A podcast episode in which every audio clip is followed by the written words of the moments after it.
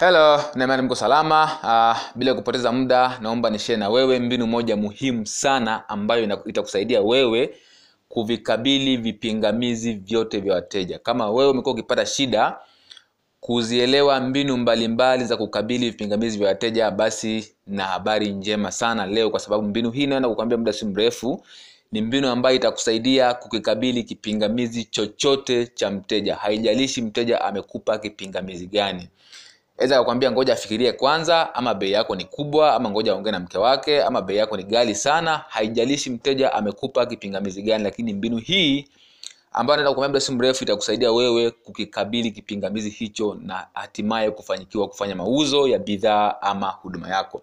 Kwa hiyo sikiliza kwa makini sana. Kama hujaelewa sehemu tafadhali uliza swali ili niweze kukuelewesha kwa sababu mbinu hii itakurahisishia vitu vingi sana licha ya kukariri vipingamizi uh, mbinu mbalimbali mbali nyingi za kukabili vipingamizi basi mbinu hii imekurahisishia kila kitu kwa sababu imeunganisha mbinu zote na itakusaidia wewe kuweza kukikabili kipingamizi cha aina yoyote ile endapo mteja atakupa kipingamizi. Kwa hiyo twende sawa ili uweze kuijua mbinu hii inafanyaje kazi. Cha kwanza kabisa mbinu hii inaitwa feel felt found inaitwa felt found jinsi inayofanya kazi mbinu hii inafanya kazi hivi. Tuashum labda mteja amekupa kipingamizi labda amekwambia bei yako ni gali sana. Naanza upya. Tuashum mteja amekwambia labda bei yako ni gali sana. Utakabili vipi kipingamizi hiki kwa kutumia mbinu hii? Utakabili vipi kipingamizi hiki cha mteja kwa kutumia mbinu hii ya feel felt found? Ipo hivi.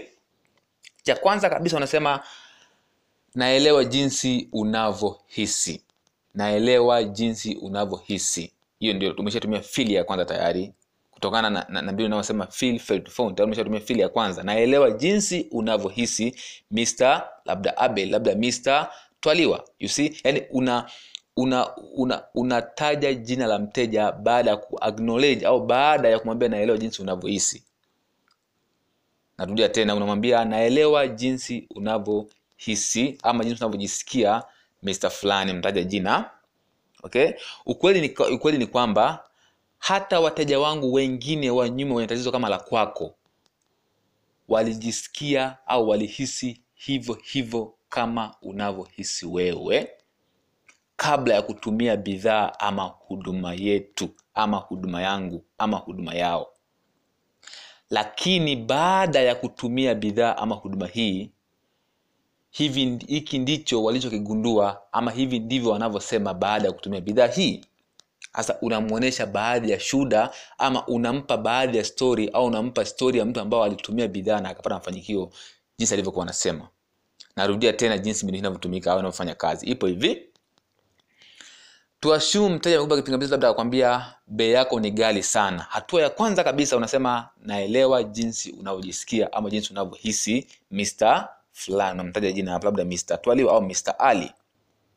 Ukweli ni kwamba hata wateja wangu wa nyuma wenye tatizo kama la kwako walihisi hivyo hivyo ama walisema hivyo hivyo kabla hawajatumia bidhaa ama huduma yangu ama huduma hii ama huduma yetu.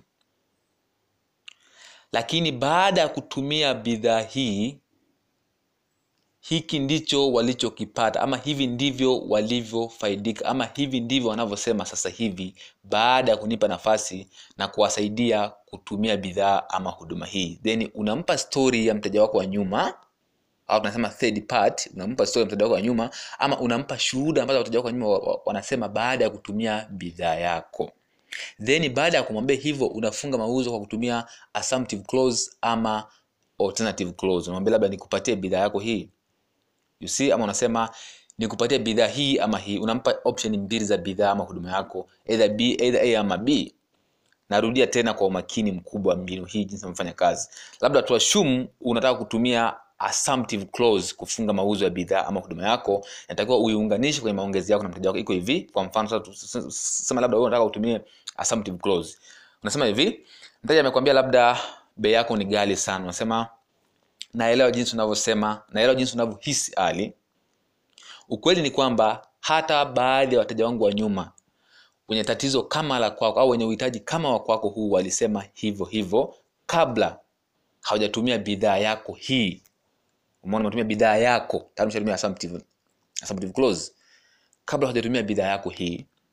Lakini baada ya kutumia bidhaa yako hii hivi ndivyo wanavyosema sasa hivi sasa unamwonyesha shuhuda za watu waliotumia bidhaa yako na wakapata shuhuda. Ama kama hauna shuhuda unampa story au tunasema unatumia third party clause unampa story ya mteja wa nyuma mwenye tatizo kama la kwake jinsi alivyotatua tatizo lake baada ya kutumia bidhaa ama huduma yako ili mteja aone kwamba hayupo peke yake katika tatizo hilo na kuna mwingine ambaye alishawahi kutumia na akapata matokeo chanya ndivyo hivyo unavyokabili kipingamizi hicho. Na mbinu hii unaweza kutumia kukabili kipingamizi chochote kile. Haijalishi pia kwamba kipingamizi gani. Kwa hiyo jitahidi kuitumia mbinu hii na itakusaidia sana. Kama wewe unapata shida kuvielewa baadhi ya mbinu za kukabili vipingamizi vya kwa sababu ziko nyingi sana basi tumia mbinu hii kwa sababu mbinu hii ni mjumuisho wa mbinu zote za kukabili kipingamizi cha wateja. I hope it's clear. Kama una swali basi usisite kuuliza. Asanteni sana